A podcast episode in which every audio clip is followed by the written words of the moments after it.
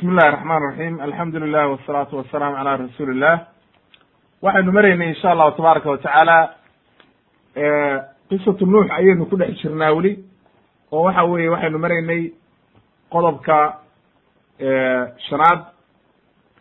Xadiidkii sacd ibn abi waqaas radia allahu canhu waxa uu yidhi lix ayaanu la joognay nebiga calayhi salaatu wasalaam oo waxaanu ahayn koox maaragtay dadkii muslimiinta ahaa oo daciifka ahaa ka mida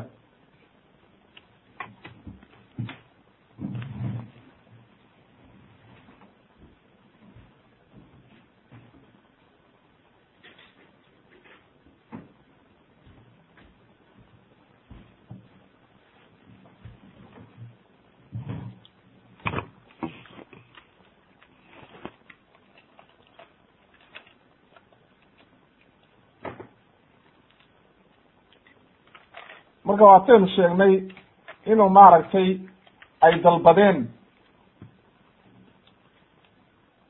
Waxaynu sheegnay inay dalbadeen quraysh oo ay yidhaahdeen naga kaxee oo waxa weeye naga foge.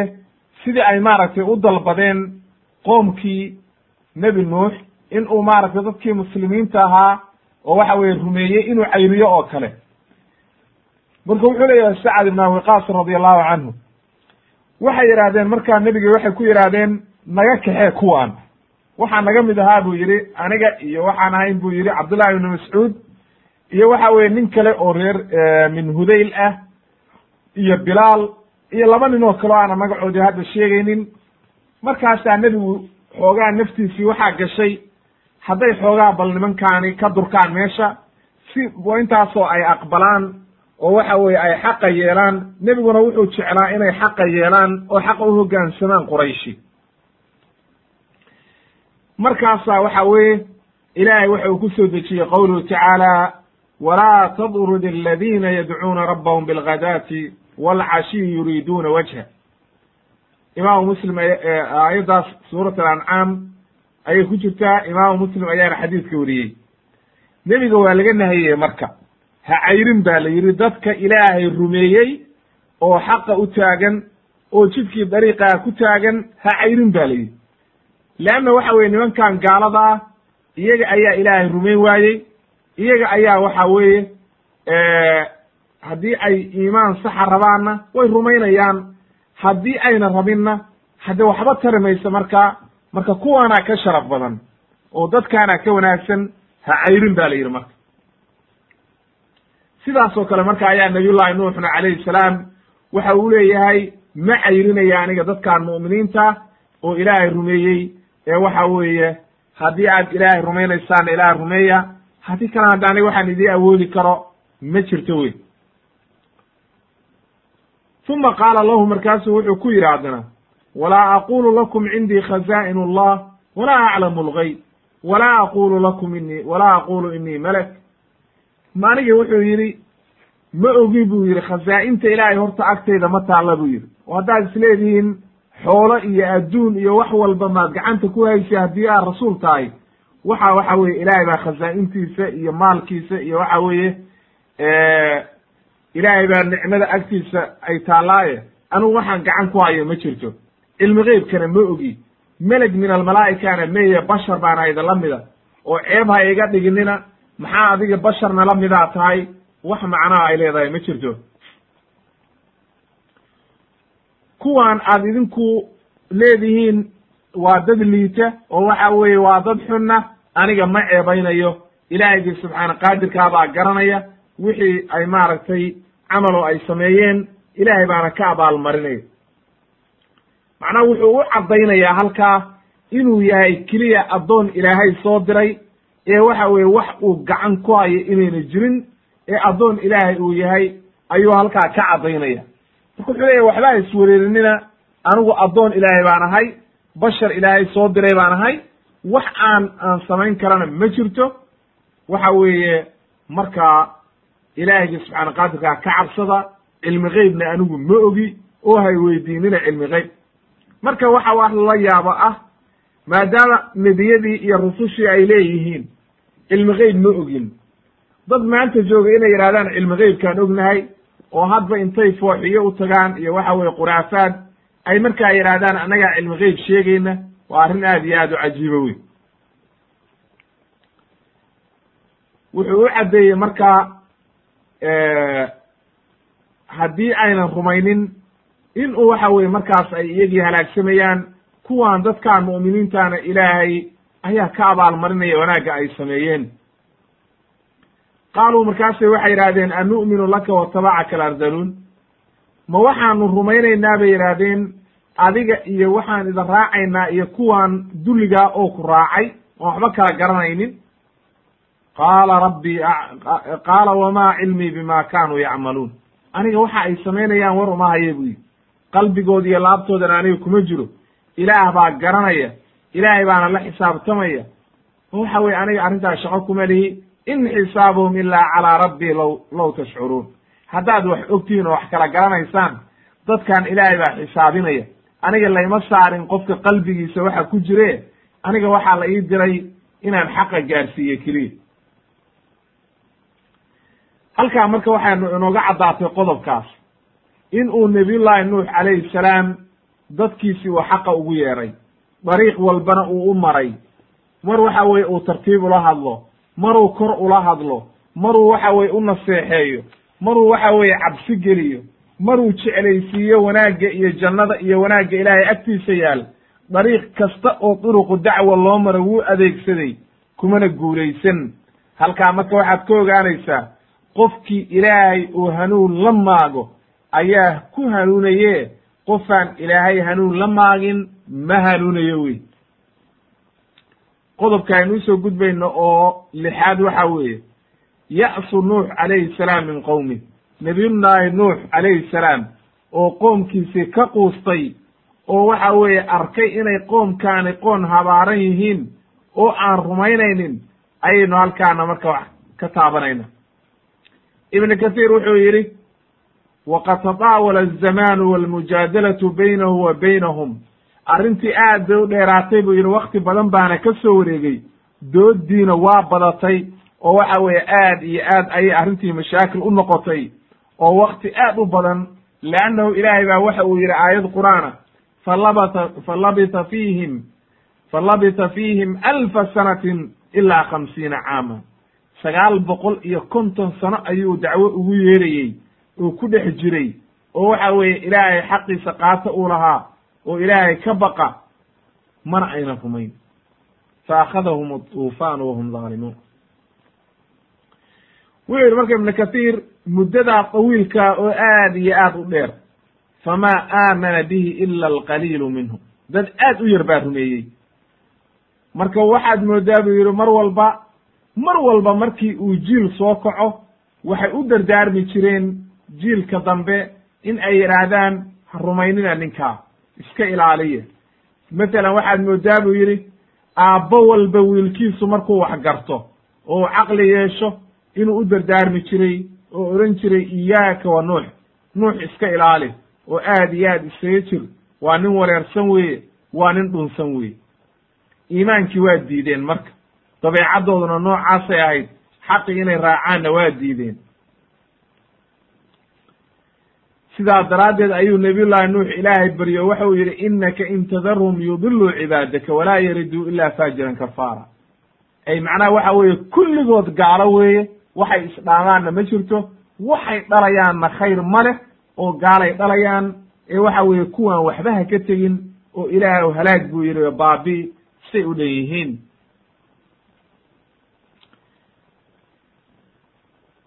leannahu iyaga ayaaba lahaaba oo waatay dhahayeen aay qowlkii inoo soo hormaray oo ay odhanayeen aayadda qur'aanka wa qa waxay yidhahdeen qaaluu yaa nuuxu qad jaadaltanaa fa agtarta jidaalana fa'tinaa bima tacidunaa in kunta min asaadiqiin nuuxow doodii waad naga badisay waana wareerisay noo keen bay dheheen cadaabta aad sheegaysid haddii aad run sheegaysid iyagii baa ka dalbanay qoom walba waa noocaa kufrigu waa cajiib weye qofku waxa markuuna rumaysnayn waa wax aad iyo aad u cajiiba qoom walba nebigoodii markay beeniyaan oo diidaan ayay aakhirka ugu dambeeya waxay ka dalbanayaan in cadaabtii uu keeno. Oo waxay leeyihiin la kaalay cadaabti. Oo waxa weeye annaga inay nala halaagaanba rabnaaba.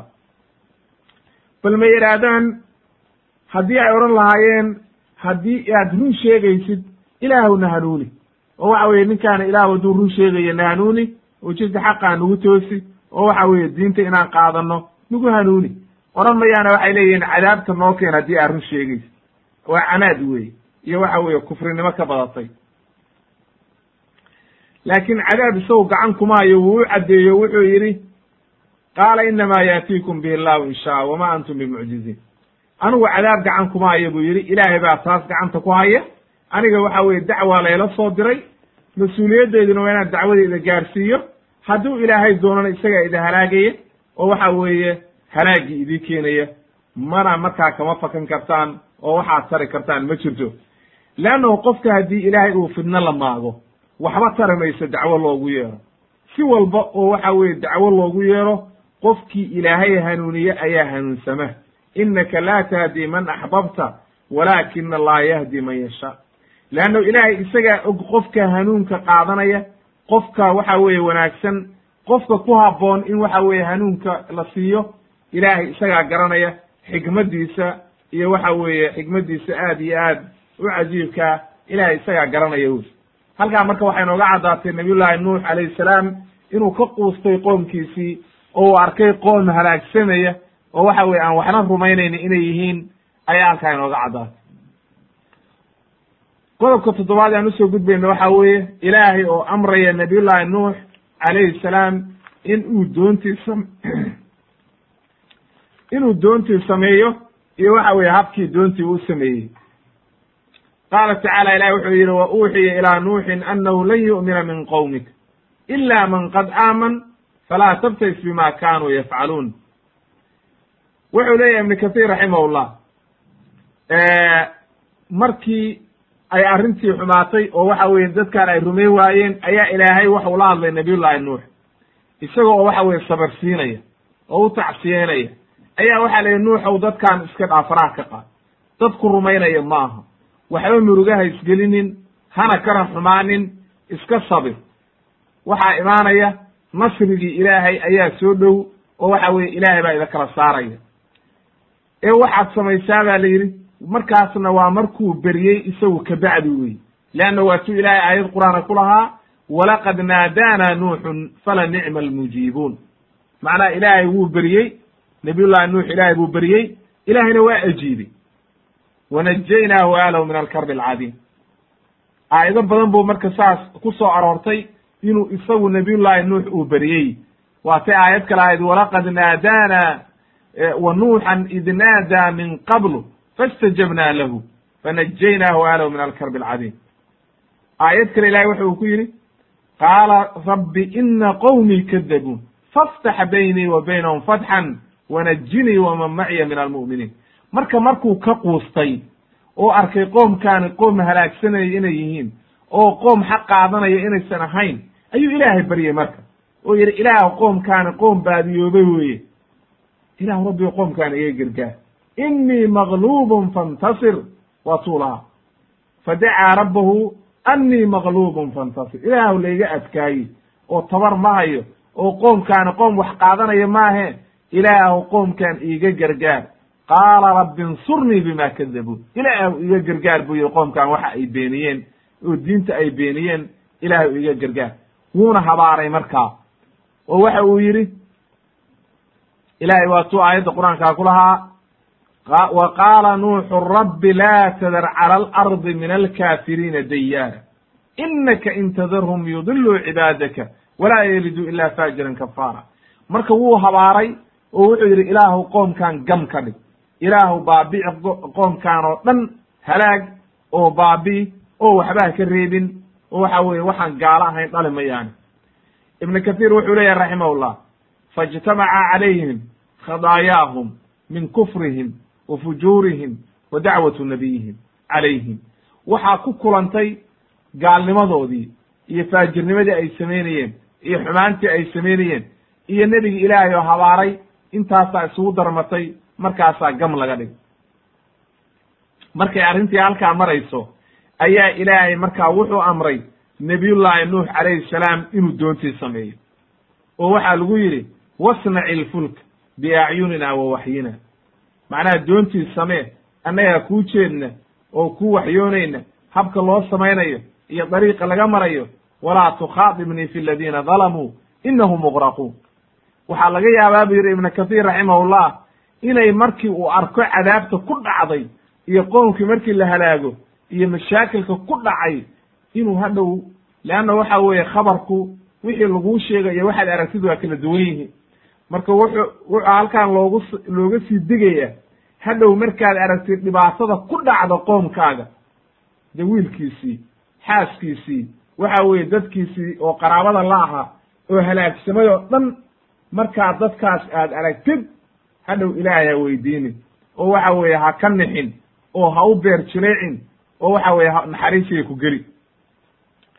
Wayasnacu lfulka wa kulamaa mara calayhi mala-u min qowmihi sakiruu minh mar walba ou doon doontii markuu samaynaya markay soo maraan ayay ku qosqoslayaan oo ku dheeldheelayaan oo waxa weeye ay la yaabayaan waxay leeyihiin oo maxaad hadda doontaa ku samaynaysaa xaggee bay ku soconaysaa xaggee bad uga keenaysaa way ku qosqoslayaan marka markaas isaguna wuxuu ugu jawaabay wuxuu yidhi in taskaruu mina fa inaa naskaru minkum kama taskaruun iska suga buu yidhi marka annaguna haddii hadda nagu dheeldheeshaan oo nagu qosqosashaan annaguna mar kale ayaan idinku qosqosli doonaa markii cadaabteeda qabato mashaakilku idinku dhaco dhibaatada iyo cadaabtu ay idinku timaado. Waad ogaan doontaan buu yidhi marka. Fa sawfa taclamuuna man yaatihi cadaabun yukhzih hadhow baad dib baad ka ogaan doontaan qofka uu cadaab xumeeya oo halaaga oo mashaakil oo dhan ku sameeya u yimaado wayaxilu calayhi cadaabun muqiim ay daa'imun cadaab weligii joogto ku noqonaya. Leanno adduunkii waa lagu cadaabay. Qabrigana waa ku cadaaban yihiin. Aakhirana naar bay gelayaan. Intiiba waxa weeye cadaab baa usugnaatay oo muqiim ah oo aan weligii ka tegaynin wey waxaa marka soo aroortay ibnu kathiir waxa uu leeyahay dadkaa dabeecaddoodu waxay ahayd dad aad iyo aad u dabeecad adag kufri iyo canaad adduunkii aakhirana markii la tago saasoo kale bay u diidayaan oo haddana waxa weeye aakhire markii la yimaado way beeninayaan nabiyullahi nuux. Leanno waxaa sugnaatay nebigu inuu yidhi calayhi salaatu wassalaam waxaa imaanaya nuux baa la keenaya. Markaasaa waxaa leeyahy iyo ummaddiisii markaasaa ilaahay wuxuu odhanayaa hal ballaqta? Nuuxow ma gaarsiisay oo dadkaagii ma gaarsiista xaqii. Markaasu wuxuu odhanayaa nacam ay rabbi waan gaarsiiyey oo xaqii waan gaarsiiyey ilaahay baa markaa ummaddii la hadlay wuxuu odhanaya war hal hal ballagakum mayda soo gaarsiiyey. Markaasay waxay leeyihiin laa maa jaa'anaa min nebiy wax nebiya anaga nooma imaan. Noomana imaan nuux namana soo gaarsiin. Diinna nooma keenin. Markaasaa nuux ilaahay wuxuu odhanaya yaa kaaga markhaantiya oo yaa markhaanti kuu gelaya maanta. Markaasu wuxuu leeyahy muxammedun wa ummatuhu. Nebi maxamed iyo ummaddiisa islaamka ayaa iiga markhaantiyey inaan gaarsiiyey nebigu wuxuu yidhi marka calayhi salaatu wassalaam fa nashhadu waan ka markhaanti kacaynaa annahu qad ballaqa inuu gaarsiiyey. Wa huwa qowluhu tacaala wakadalika jacalnaakum ummatan wasata litakunuu shuhada'a cala annaas wayakuna arasuulu calaykum shahiida. Leanna waxa weeye ilaahay baa ummaddan wuxuu ka dhigay ummad wasat ah ay macnaha cadliya oo cadaalad ah. Wixii ilaahay uu kaga sheekeeyey oo waxa weeye qisatu nuux kitaabka ka buuxda oo ilaahay ka sheekeeyey ayay aakhiro ummadda islaamku ka markhaanti kacayaan iyo nebiguba calayhi salaatu wassalaam xadiiskaana imaam albukhaari ayaa weriyey oo waa xadiis saxiixa. Halkaa marka waxay nooga sugnaatay in ay dadkaasi siday u beeniyeen nebiyullaahi nuux adduunka markay joogeen aakhirana inay u beeninayaan. Ibnu kathiir waxa uu yihi raximahullah fa hadihi alumma tashhadu calaa shahaadatin calaa shahaadati nabiyiha waxay ummaddaani ka markhaanti kacaysaa nebi maxamed wixii uu ka markhaanti kacay. Leannahu sababtu waxay waxay odhanayaan bianna allaha qad bacata nuuxan bilxaq. Sababtu waxa weeye nebi nuux ilaahay xaq buu la diray. Kitaabna waa ku soo dejiyey wuuna amray inuu xaqi gaarsiiyo. Isaguna waa gaarsiiyey ummaddiisii. Sidii ugu wanaagsanayd oo ugu dhammaystirnayd buu u gaarsiiyey. Kama uu tegin wax walba ilaa uu u sheegay oo waxa weeye uu uga digay wax walba oo ciqaaba oo ku dhacaysay iyo waxa weeye cadaabkii ilaahay oo dhan ilaa uu uga digay. Waxaa sugnaatay xataa inuu uga digay almasiix addajaal ayaa sugnaatay siduu nebiga calayhi salaatu wasalaam u yidhi innii waxaan anigu haddii aan ahay nebi maxamed calayhi salaatu wasalaam liundirukumuuhu waxaan idinkaga digayaa maaragtay ninkii maaragtay masiixi dajaal wamaa min nebiyin buu yidhi marka nebigu. Nebi ma jiro ilaa waqad andara qowmahu qoomkiisa waa uga digay laqad andarahu nuuxun calayhi salaam. Nebiyullaahi nuux baa qoomkiisi uga digay. Haddaba marka halkaa waxay nooga caddaatay nebiyullaahi nuux inuu wax walba qoomkiisi uga digay oo xaqii gaarsiiyey. Aakhirana taasaan ka markhaanti kacayna oo dadka islaamka ay ka markhaanti kacayaan iyo nebiguba calayhi salaatu wassalaam. Nebigu wuxuu yidhi markaa masiixi dajaal uu ka sheekeynayey walaakinii aquulu lakum fiihi qowlan lam yaqulhu nabiyun liqowmihi waxaan idiin sheegayaa buu yidhi hadal ee macnaha calaamad uu leeyahay baan idiin sheegayaa oo aan nebiyadii hore u sheegin qoomkoodii. Waxaad ku garanaysaan buu yidhi waa il buu la'yahay buu yidhi. Annahu acwarun. Il buu la'yahay wa ana allaha laysa biacwar. Ilaahayna il mana ah oo waxa weeye ilaahay waa ka nasahan yahay in la yidhaahdo il buu la'yahay marka ilaahnimo markii uu sheegto ilna uu la'yahay waxaa la odhanayaa kadaab baa tahay beenlow ah ilaahay ilmala'a subxaanahu wa tacaala ilaahay waa ka nasahan yahay in la yidhaahdo nooca. Xadiidka imaam albukhaari baa weriyey xadiidkii cabdullahi ibni cumar radia allahu canhu canhuma wuxuu kalo ilaahay wuxuu yidhi markaa qaala rabbi insurnii bima kadabuun fa awxaynaa ilayhi an isnaci lfulka biacyunina halkaa marka ilaahay markuu amray in uu doontii sameeyo ayuu markaa wuxuu bilaabay nabiyullahi nuux inuu doontii sameeyo marka. Doontii marka markuu dhammaystiray oo waxa weeye uu doontii dhameeyey oo amarkii ilaahay iyo waxa weeye ciqaabtii ilaahay dadkan ku soo degi lahayd ay bilaaban lahayd ayaa marka halkan waxaynu ka gelaynaa qodobka sideedaad baynu ka dhigaynaa oo odhanaya xaadithatu duufaan. Bal habkii duufaantu u dhacday iyo habkii loo halaagay baynu marka halkaana qodob ka taabanaynaa oo ka sheekaynaynaa insha allahu tabaaraka wa tacaala haddii uu rabbi idmo. Ilahay wuxuu yidhi faawxaynaa ilayhi an isnaci lfulka biacyunina wa waxyina faida jaa amruna wafaarat tannuuru fasluk fiiha min kulin zawjayn itnayn waahlaka ila man sabaqa calayhi alqowl waman aaman.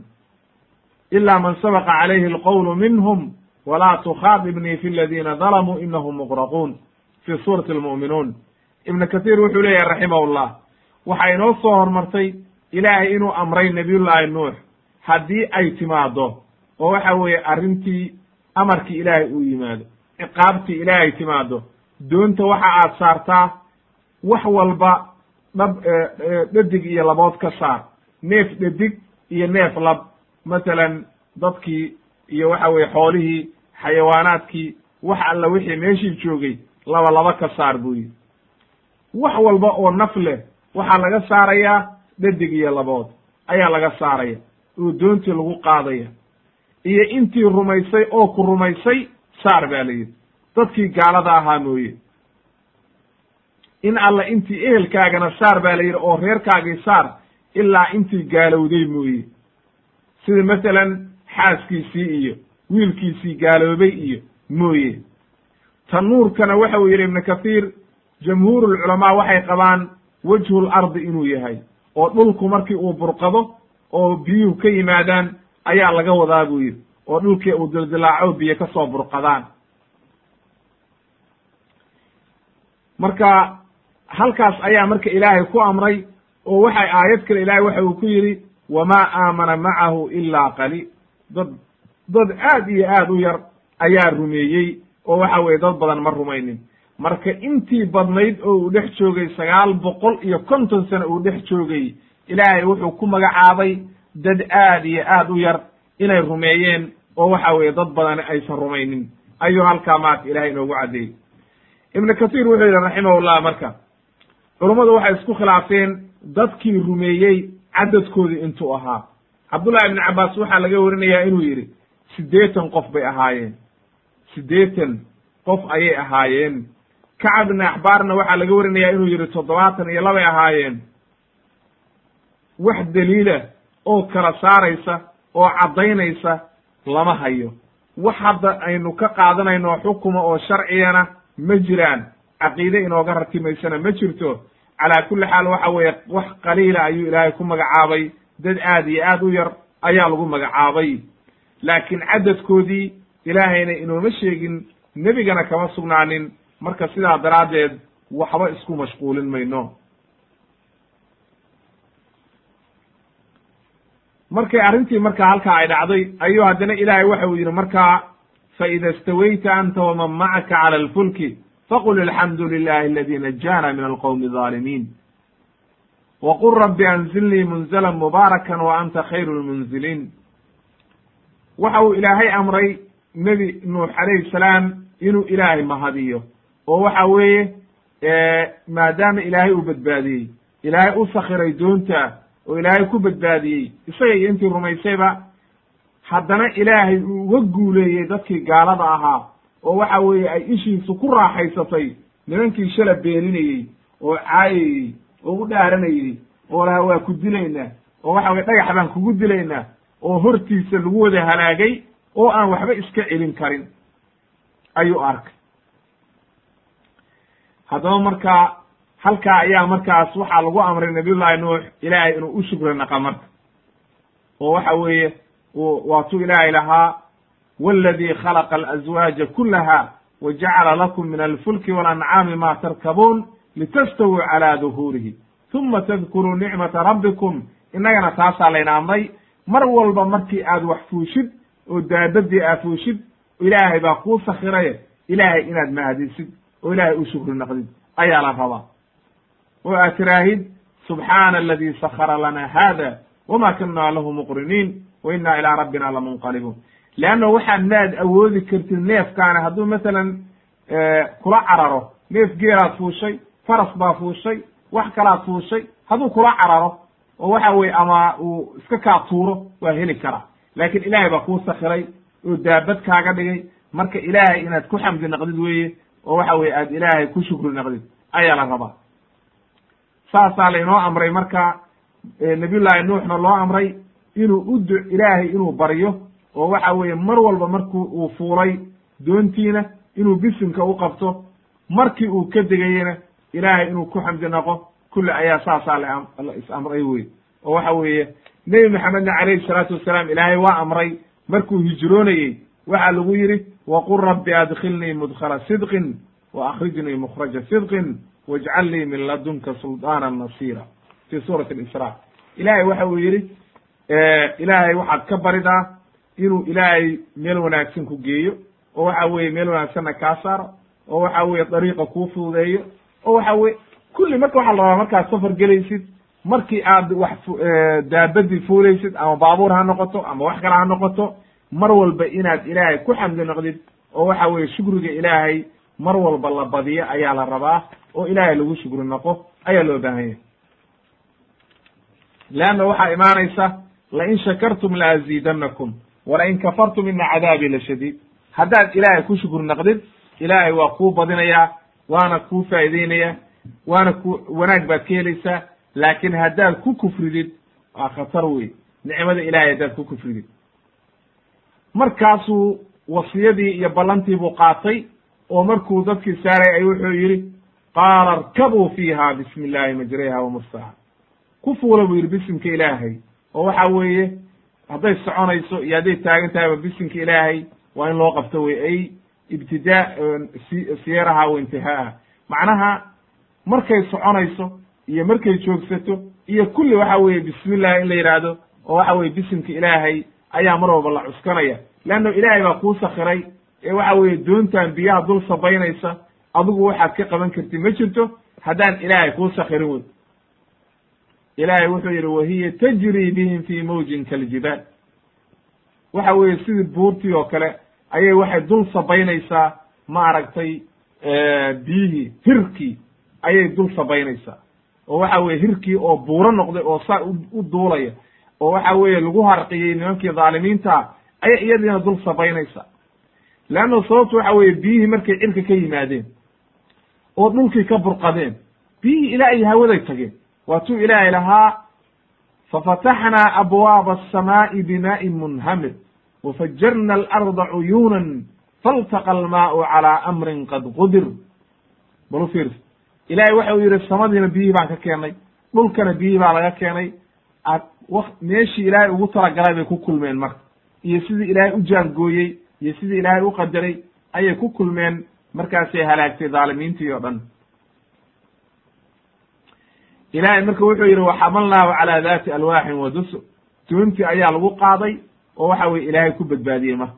Aayad kale waa si ilaahay ku lahaa innaa lama daga almaau xamalnaakum fi ljaariya ay macnaha doontii assafiina markay biyihii ay xad dhaafeen oo waxa weye ay dadkii halaageen doontii baan idinku badbaadinay ay macnaha farciinaan hadda jooga oo farcii nebi nuuxa doontii baa lagu badbaadiyey wey.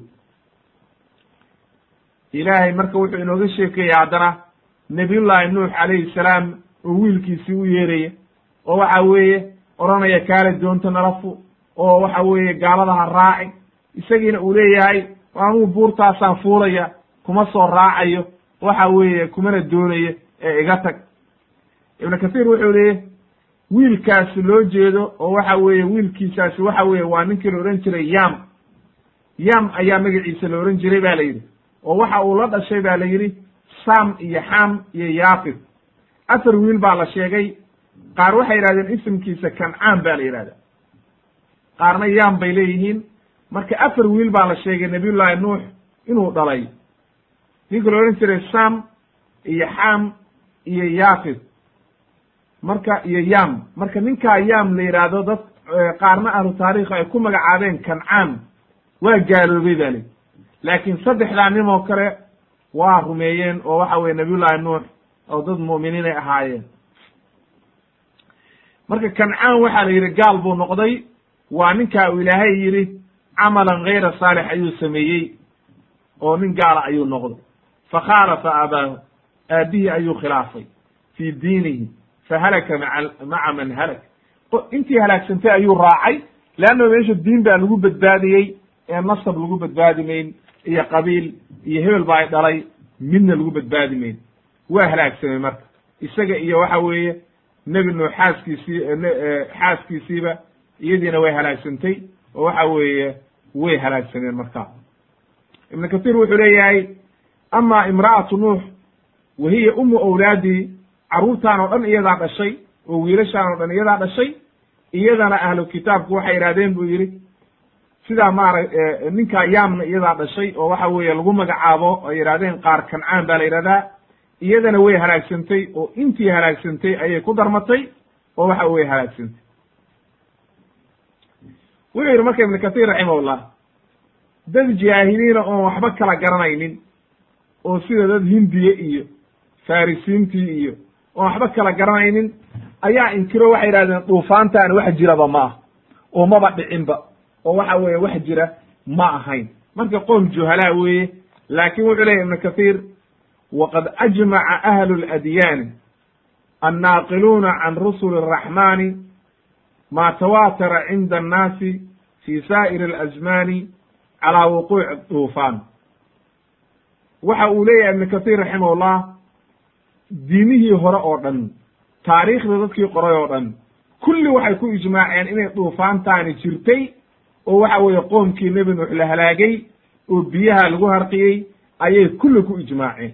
Oo waxa weeye kulli diimihii hore waa ku wada tiilay diintii maaragtay tawraad iyo injiil iyo kulli waa ku diilay ayuu leeyahay. Waddanka oo dhanna biyihii way qabsadeen oo waxba kama tegin. Walam yabq wax ka haray ma jirin. Hal qof oo gaala dhulka loogama tegin ba la yidhi waa la halaagay oo kulligood waa la baabi'ey gaalnimadu marka markay dib u bilaabatayna qisatu huud markaan marayno calayhi salaam ayaynu dib uga sheekayn doonaa iyo asbaabtay haddana ku bilaabatay haddaba marka qodobka sagaalaad waxa weeye intihaau xaadithatu duufaan. Markii la halaagay marka oo iyagii o dhan la dhameeyey haddana markaas bal habkay u joogsatay iyo waxa weeye ilaahay suu ku badbaadiyey intii nebi nuux rumaysay.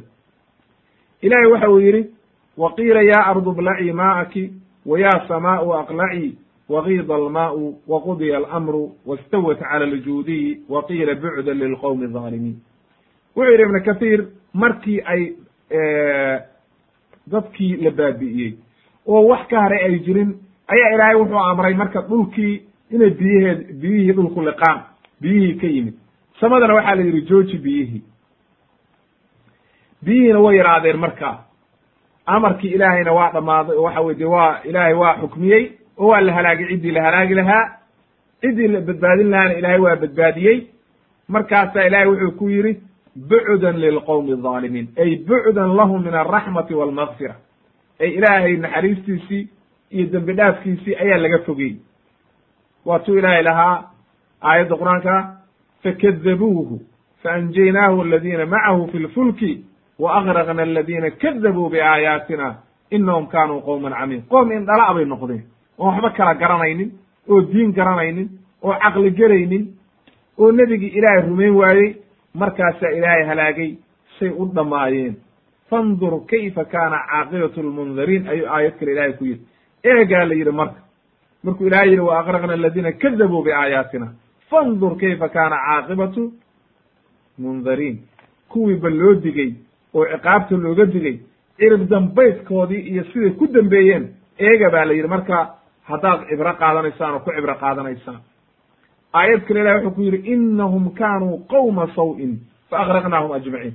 Qoom xun bay ahaayeen oo xumaan sameeya kulligoodna ilaahay waa halaagay waatuu ilaahay aayad kale ku lahaa faanjaynaahu waman macahu fi lfulki lmashxuun uma agraqnaa bacdu lbaaqiin intii kaloo dhan waan halaagnay nebi nuux calayhi salaatu wassalaam iyo intii rumaysayna ilaahay waa waa badbaadiyey iyagii o dhanna ilaahay waa halaagay ina fi dalika la aaya wama kana aktaruhum mu'miniin. Laakiin yaa ku cibro qaadanaya dad ku cibro qaadanaya oo rumaynaya aad bay u yar yihiin aayadaha ilaahay uu inooga sheekeeyey iyo cibarka iyo fawaa'idda leh oo waxa weeye aad iyo aad cajiibka u ah laakiin wax ku cibro qaadanaya ayaa iska yar waatuu ilaahay lahaa marka aayadda qur'aanka walaqad taraknaaha walaqad taraknaaha aayatan fahal min muddakir. Aayad baanu uga tagnay.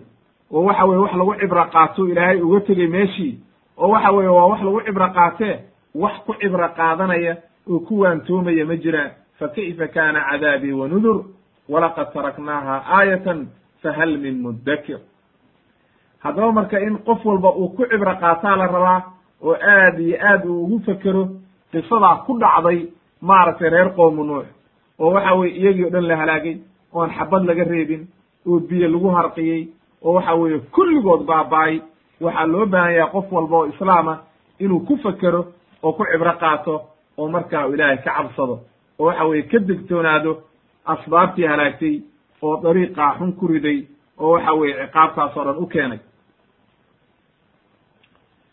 qodobka tobnaad aan u soo gudbayna waxa weye nuux calayhi salaam yunaashidu rabbahu fii waladihi. Nabiyullahi nuux calayhi salaam oo markii ay doontii biyihii joogsadeen oo waxa weeye uu la xasilay ilaahay weydiinaya oo odhanaya faqaala rabbi ina bnii min ahli. Ilaahayow wiilkaygii ehelkaygu ka mid ahaa. Wa ina wacdaka alxaq leanna waxa weeye aabbuhu waa jecel yahay ilmihiisa. Inay halaagsamaanna ma rabo rajana wuxuu ka qabay inuu maaragtay soo raaco. Waxaa dhici karta inuu isqarinayey oo waxa weeye uu xoogaa qarsanayey gaalnimadii iyo wixii. Markaasu wuxuu yidhi ilaahayow macnaha wiilkaygii ehelkaygiibuu ka mid ahaa. Waadna halaagtay. Hadda adiga ayaana xukunkii garanaya oo weydiinaya marka. Marka ictiraadan maaha inuu xukumkii ilaahay ka hor imaanayo laakiin wuxuu rabaa bal arrintii inuu ogaado bal waxa weeye ninkan sababta waxaani ugu dhacday ilaahay baa markaa u jawaabo wuxuu yidhi yaa nuuxu inahu laysa min ahlik. Ahalkaaga ka mid maaha inahu camalun gayru saalix. Camal xun buu sameeyey oo aan saalix ahayn gaalnimuu la yimid ehelkaaga waa qofkii ku rumeeya diinta kugu raaca ayaa ehel ku ah. Waxa weeye fala tas'alni maa laysa laka bihi cilmun. Hay weydiinin ba la yidhi waxaadan cilmi ulahayn innii aciduka an takuna min aljaahiliin. Waxaan kaa waaninayaa inaad noqotid dadka jaahiliinta ah ha ku darmanin oo waxa weye iska ilaali. Haddaba waxa waxaa loo baahan yahay qofku inuu ogaado caqiidada ayaa lagu badbaadaa ehelna lagu yahay oo wanaag lagu yahaye gaalnimo iyo waxa weye ilaahay oo la beeniyo. Waxa weye waxba tari mayso oo waxa weye qofkii qaraabo kasta ahaadee ama ilmahaagii ha ahaado ama waxa weye walciyaadu billah oo waxa weye ama waaridka ahaadee hadduu qofku mar gaalnimo ku sugnaado wax uu ku tarayo haba yaraatee ma jirto. Waxaad tari kartidna adna ma jirto.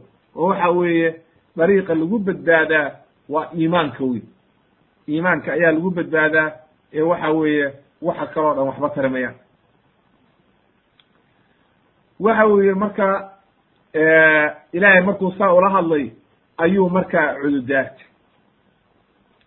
Ayuu cududaartay oo waxa uu yihi rabbi inii acuudu bika an as'alaka ma laysa laka ma laysa lii bihi cilmun. Ilaahay waxaan kaa magan gelayaa inaan ku weydiiyo waxaanan cilmi ulahayn wa ilaa takfir lii wa tarxamnii la akun min alkhaasiriin haddaadan ii dembi dhaafin oo ii naxariisanna dee dadka khasaaraha ka mid noqonay ee ilaah ii dembi dhaaf weye waa toobadkeen wey fa kaana hada miman sabaqa calayhi alqowl waa qowlkii markii hore laga soo reebay oo la yidhi ahalkaaga doonta saar ilaa man sabaqa calayhi alqowlu minhum. Waxa weye intii horay u caddaatay oo waxa weye qowlkoodii u hormaray oo waxa weye dee qadartii rabbi ku dhacday inay gaaloobayaan oo la halaagayo mooye ayuu ka mid ahaa marka. Marka kaas iyo waxa weye xaaskiisii iyo waxaasoo dhan qoomka ayay galeen oo waa la halaagay wey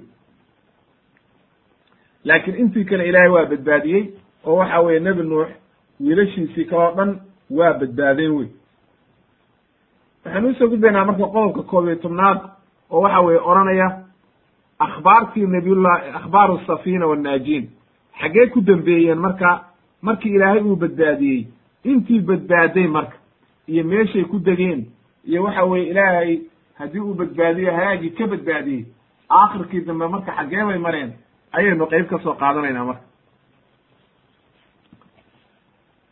Waxa qaala allahu tacala ilahi wuxuu yihi qiila ya nuuxu hbid bisalaamin mina wa barakaatin calayka wa calaa umamin miman macak wa umamun sanumatichum uma yamasahum mina cadaabun aliim. Ilahay waxa uu yidhi nuux baa waxaa lagu yidhi deg oo doontii ka deg. Markay biyihii joogsadeen oo dhulkii degey oo waxa weye dhulkii kala degey ayaa la yidhi dega marka adiga iyo inta kula socotayba doonta ka dega dhulka taga ummaddan kula socota oo waxa weeye ummaddan kula socota oo aan u raaxayn doono iyo ummado kaloo aan u raaxayn doonaba kabacdina cadaabtii ilaahay iyo ciqaab ayaa ku dhici doonta wixii gaalooba wey ilaahay marka wuu amray nabiyullaahi nuux markay dhulkii kala degay marka oo dhulkii caadi noqday oo ay suurtagal tahay in lagu socdo ayaa la yidhi marka dega marka oo dhulka taga oo waxa weeye dhulkii dega marka. Waxa u leyahy ibnu kahiir raximahullah sida mashhuurka ah. Waxa weeye buurtaas la yidhi maaragtay oo ilaahay yidhi maaragtay wahiya tajri bihim fi mawjin kaljibaali may aayadda qur'aankaa odhanaysaa wastawat cala aljuudiy juudigaa marka waxay yidhaahdeen ibnu kathiir iyo culummadu waxay leeyihiin waa jebel weyn oo ku yaalla jaziira. Jaziiradan carabta waxay dhulka carabta buur ku taallo weeye bay yidhahdeen oo la yaqaanoo macruufa. Ibnu kathiir wuxuu leeyahay wa calaa umamin ummadda waxaa laga wadaa buu yidhi. Minman sayuuladu bacdu ummadda dhalan doontay min awlaadika awlaadaada fa ina allaha lam yajcal liaxadin minman kaana macahu min almu'miniina naslan walaa caqiban siwa nuux calayh salaam ilaahay waxa uu ummaddii tarankii oo waxa weeye sii tarmay intii la badbaadiyo oo mu'miniinta ahayd waxaa ka tarantay nabiyullaahi nuux calayhi salaam. Intii kale waxba kama tarmin bani oo waxa weeye ma aynan sii tarmin oo waxa weeye duriyaddoodii taran ma yeelan. Laakiin nabiyullaahi nuux calayhi salaam ayaa duriyaddiisii tarantay oo waxa weeye ilaahay uu faafiyey oo ilaahay u raaxeeyey waatuu ilaahay lahaa wajacalnaa duriyatahu hum lbaaqiin duriyaddiisii ayaan baaqi ka dhignay oo waxa weeye inta hartay oo baaqiga waa duriyaddiisii weye nabiyullaahi nuux duriyaddiisi wuxuu markaa nebi kasta buu yidhi. Wuxuu yidhi fa kullu man calaa wajhi alardi ayuu leeyahay ibnu kathiir wax walba oo dad ah oo dhulka jooga buu yidhi. Oo dhulka ku nool maalintaa laga soo bilaabo nabiyullaahi nuux wixii ka dambeeyey. Waxa weeye waa duriyatu nebiyullaahi maaragtay nebiyullaahi nuux. Saddexdiisii wiil oo midna la odhan jiray sam midna la odhan jiray xam midna la odhan jiray yaafit ayay ku abtirsadaan dadku ayuu leeyahy ibnu kahiir raximahullah. Waxaa laga wariyey buu yidhi arrintaas saciid ibn lmusayib raximahullah. Waxa uu yidhi nuux waxa uu dhalay saddex wiil sam baa ka mid a. Yaafit baa ka mid a. Xam baa ka mid a. Nin walbana saddexdoodii waxa uu dhalay saddex wiil. Saddexdii wiil. Sam saddex wiil buu dhalay. Oo xam saddex wiil buu dhalay. Yaafitna saddex wiil buu dhalay. Wuxuu yidhi sam wuxuu dhalay carab iyo faris iyo ruum yaafitna wuxuu dhalay buu yihi turkida iyo dadkan la yidhaahdo saqaali saqaaliba oo waxa weye asaqaaliba la yidhaahdo waa dadka indhayarta iyo noocyadaas. Wa ya'juuj wa ma'juuj qoomkaa la yidhaha ya'juuj wa ma'juuj ayuu dhalay buu yihi oo fii suurati kaafi ka sheekaysay ayuu dhalay buu yihi xaamna wuxuu dhalay buu yihi qibdiga. Nimankii waxa weeye masar deganaan jiray oo faraaciintu ay ka soo jeedeen iyo sawdaan dadka madmadow iyo waxa weeye barbarka. Barbarka waa dadka makaaribada ah oo marooka iyo dadka iyo halkaas maqrab alcarabi la yidhaahdo wey. Imaam albazaar ayaa wariyey fi musnadi.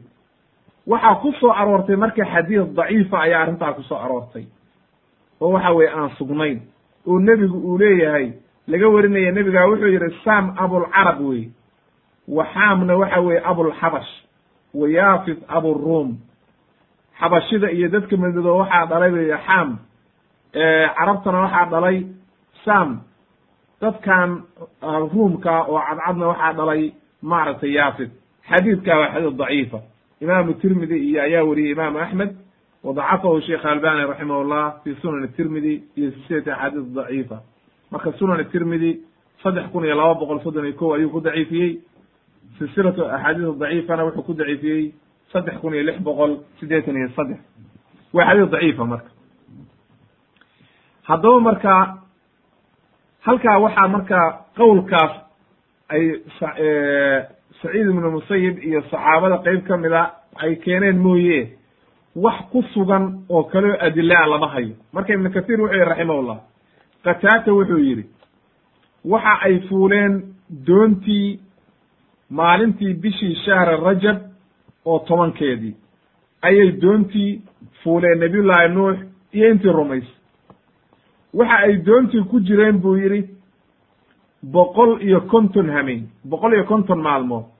Ayay doontii la sabaynaysay oo waxa weeye biyihii kula dul soconaysay oo ay doontii ku dhex noolaayeen.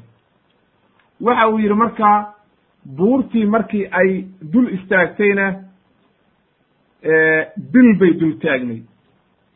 Kabacdi markaa ayaa waxaa la amray inay doontii ka degaan waxa ay ka soo baxeen buu yidhi maalintii yowma cashuura oo maalinta bisha muxaram yowma cashuura ayay doontii ka soo degeen buy intaa marka ayuu qataata keenayaa wallahu aclam marka de waa ahlu taarikh baan umaynayaa iyo isaadiyaad leanna waxa weeye adilo ku sugnaatay iyo xadiis saxiixa iyo aayad qur'aana midna looma hayo laakin waxa weeye waa aqwaal alculamaa oo waxa weeye mufasiriintii ayaa saa keenaya. Calaa kulli xaal marka qowlkaa un baynu haynaa wax kaloo aan hayno ma jirto. Isagana daahirkiisa waxaad moodaa inuu israa'iliyaad yahay oo waxa weeye wax daliila arrintaa kuma sugnaanin. Marka halkaa waxaynu ka garanay nabiyullaahi nuux calayhi salaam duriyaddiisii inay baaqi noqotay.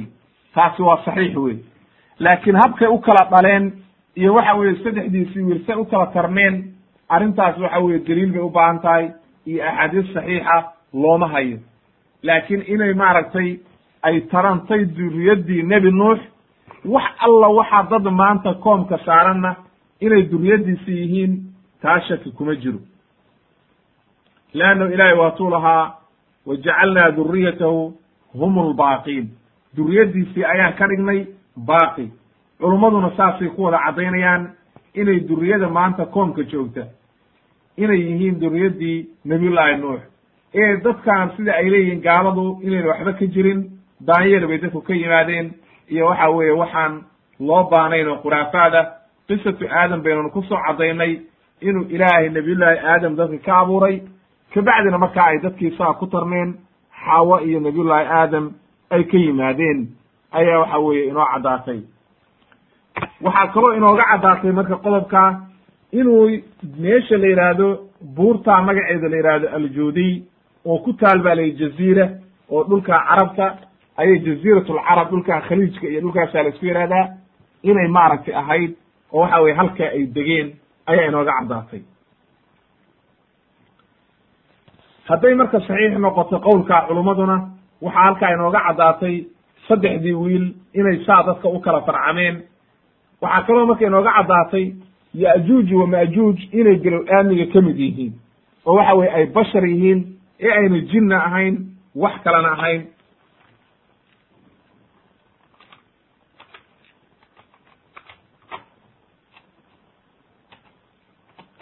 Inay marka ya'juuj wa ma'juuj inay yihiin bashar caadiya oo waxa weye dadka ka farcameen bal duriyaddii nebi nuux inay ka mid yihiin ayaa halkaa inooga caddaa waxaanu u soo gudbaynaa qodobka markaa labiyo tobnaad oo odhanaya dikru shayin min akhbaari nuux calayhi salaam. Akhbaartii nabiyullahi nuux marka kabacdi ayaynu qeyb ka mid ah ka soo qaadanaynaa. Kabacdi wixi uu ku dembeeyey nabiyullahi nuux. Ilaahay wuxuu ku ammaanay nabiyullahi nuux inahu kaana cabdan shakuura. Nin aad u shukri naq badan ayuu ahaa. Waxaa la yidhi marka wuxuu ahaa inahu kaana yaxmud allah calaa طacaamihi wa sharaabihi wa libaasihi wa sha'nihi kulli.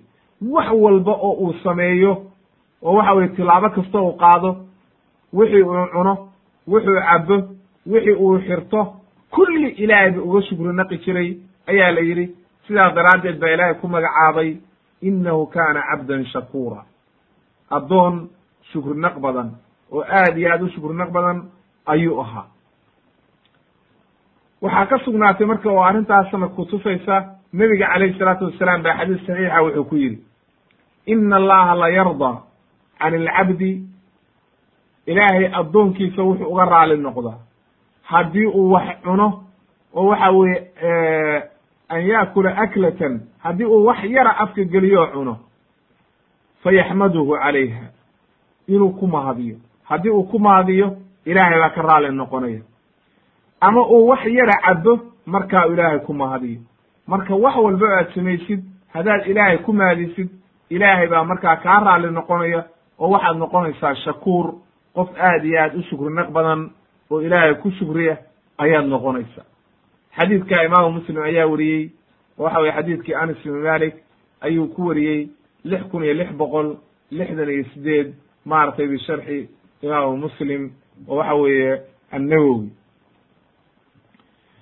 wuxuu yidhi marka ibn kathir raximahullah wالظaahiru ana الshakura huwa aladi yacmalu bijamiici daacaat alqaliila alqowliyati alqalbiyati walqowliyati walcamaliya shakuur waxaa la yidhaahdaa qofkii saddex arrimood laga helo daacadii ilaahay uu amray oo dhan qofkii la yimaada ama iimaankii qalbiga iyo waxyaalihii caqiidada ha noqoto ama waxa weeye qowlkii uu ku hadlayey ha noqoto ama waxa weeye ficilkii uu samaynaya ha noqoto.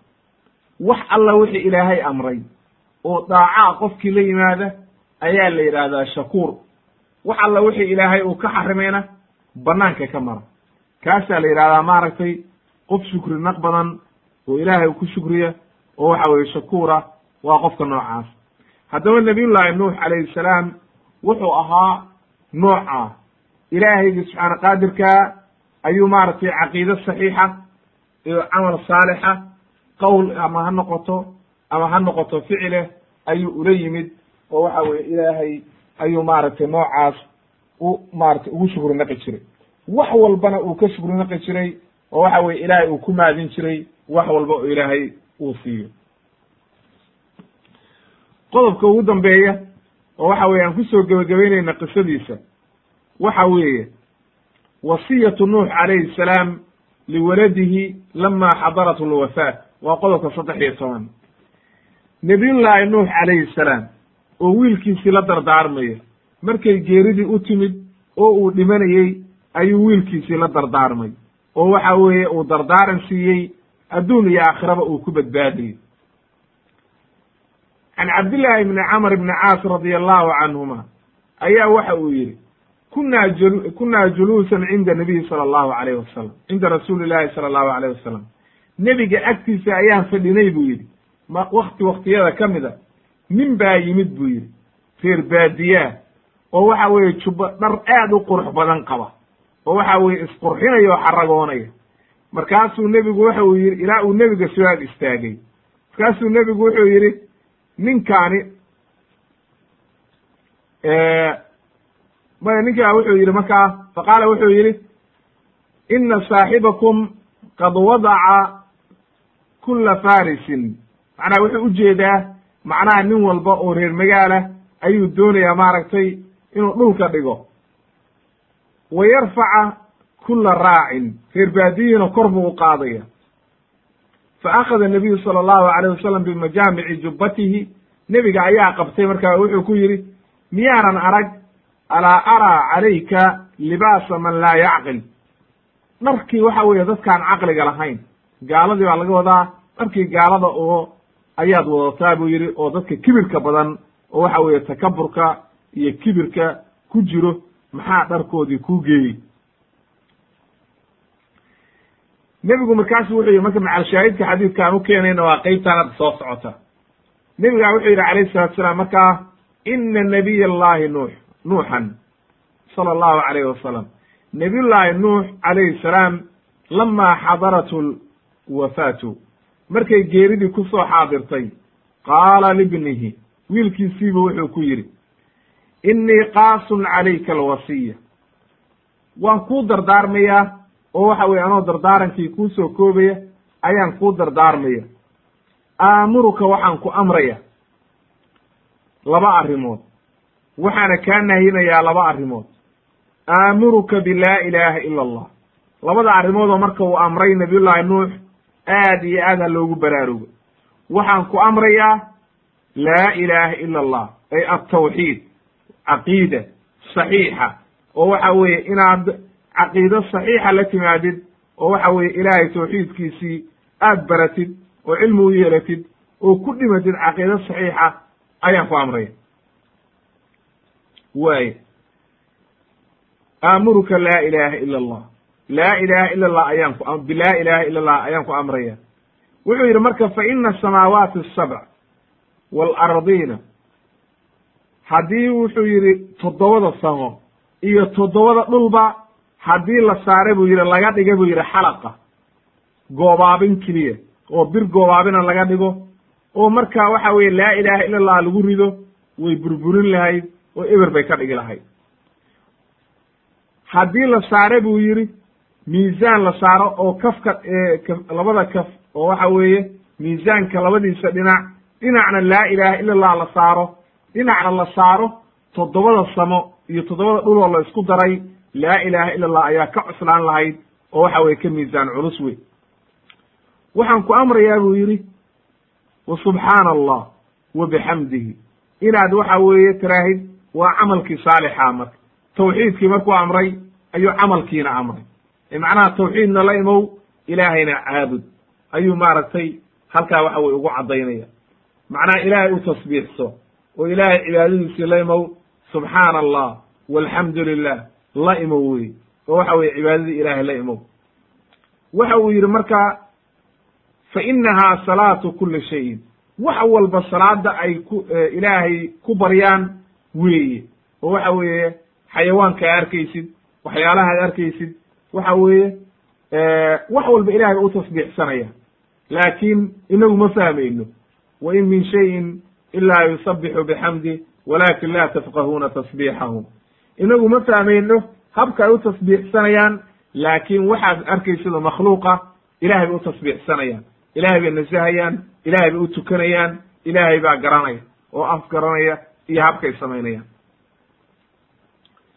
wuxuu yidhi wa biha yurzaqu kullu shayin. Wax walbana iyadaa lagu irsaaqaa oo ducadaas iyo cibaadadaas ayaa ilaahay dadka ku irsaaqa iyo xayawaankaba ee waxa weeye ilaahay bari. Oo waxa weeye subxaana allah walxamdu lilah aad iyo aad u joogte oo waxa weeye ku dadaal. Waxa uu yidhi marka wa anhaaka waxaan kaa nahniyayaa buu yidhi. Oo kaa nahiyayaa kaa reebaya inaad ka dheeraatidna aan rabaa labadii arrimood. Maxay yihiin?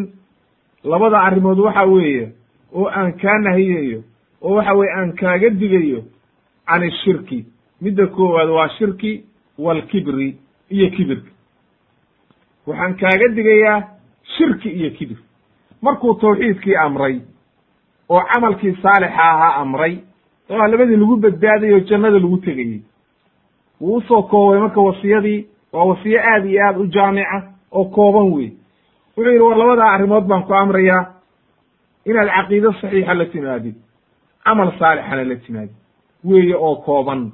Waa labadii jannada lagu gelayey ko haddana markaasu wuxuu yidhi labadii naar lagu tegayey oo asalka u ahayd ayuu haddana ka nahiyey shirkigii oo ugu horreeyey wixii naar lagu waarayey oo waxa weeye kufrinimo qofkii gaarsiinayey oo qofkii markaa naar ku waarayo wuu ka naahiyey oo wuxuu yidhi waxaan kaa naahiyayaa shirkigii leanno naar baad ku gelaysaa oo ku waaraysaa oo waxa waxaad noqonaysaa alkhaalidiina fi fi jahannam.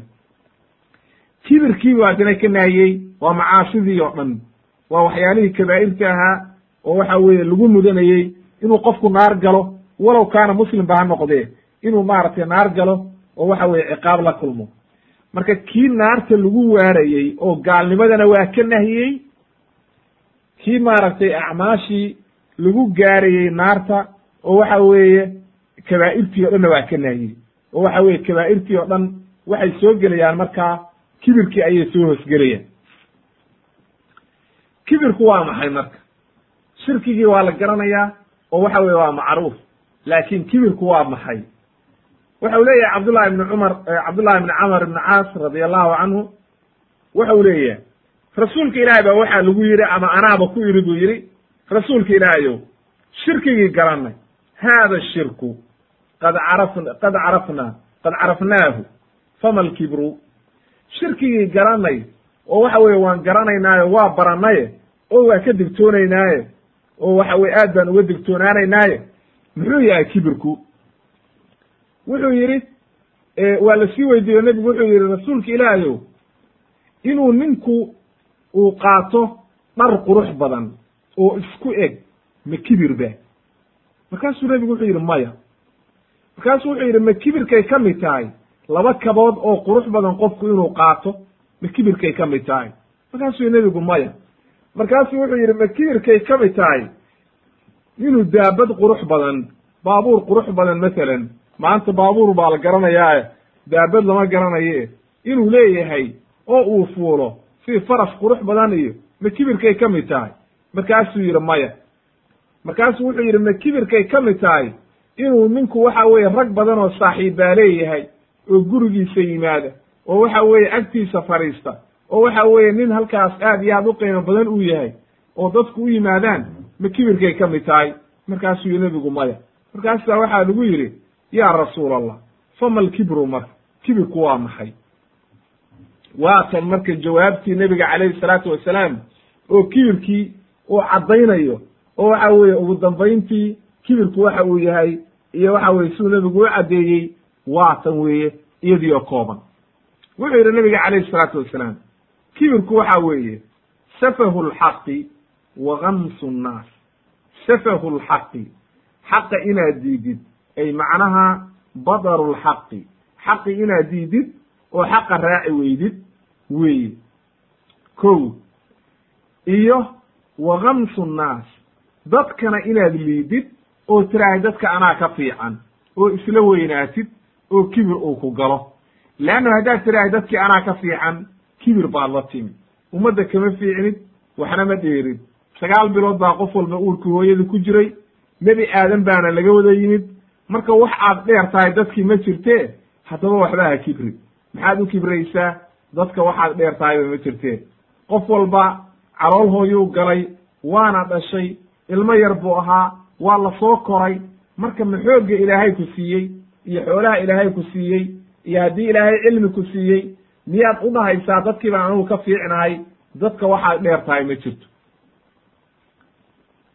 marka halkaasuu nebigu wuxuu ka yidhi marka kibirku waxa weeye safahu lxaqi xaqa inaad diidid oo xaqa aad raaci weydid oo xaqa u hoggaansami weydid oo waxa weye waxaa gaalo maanta aad arkaysid oo xaqii diiday oo waxa weye gaalnimada ku sugan aad arkaysid waxaa ku keentay sababtaa in ay waxa weeye kibir baa u keenay.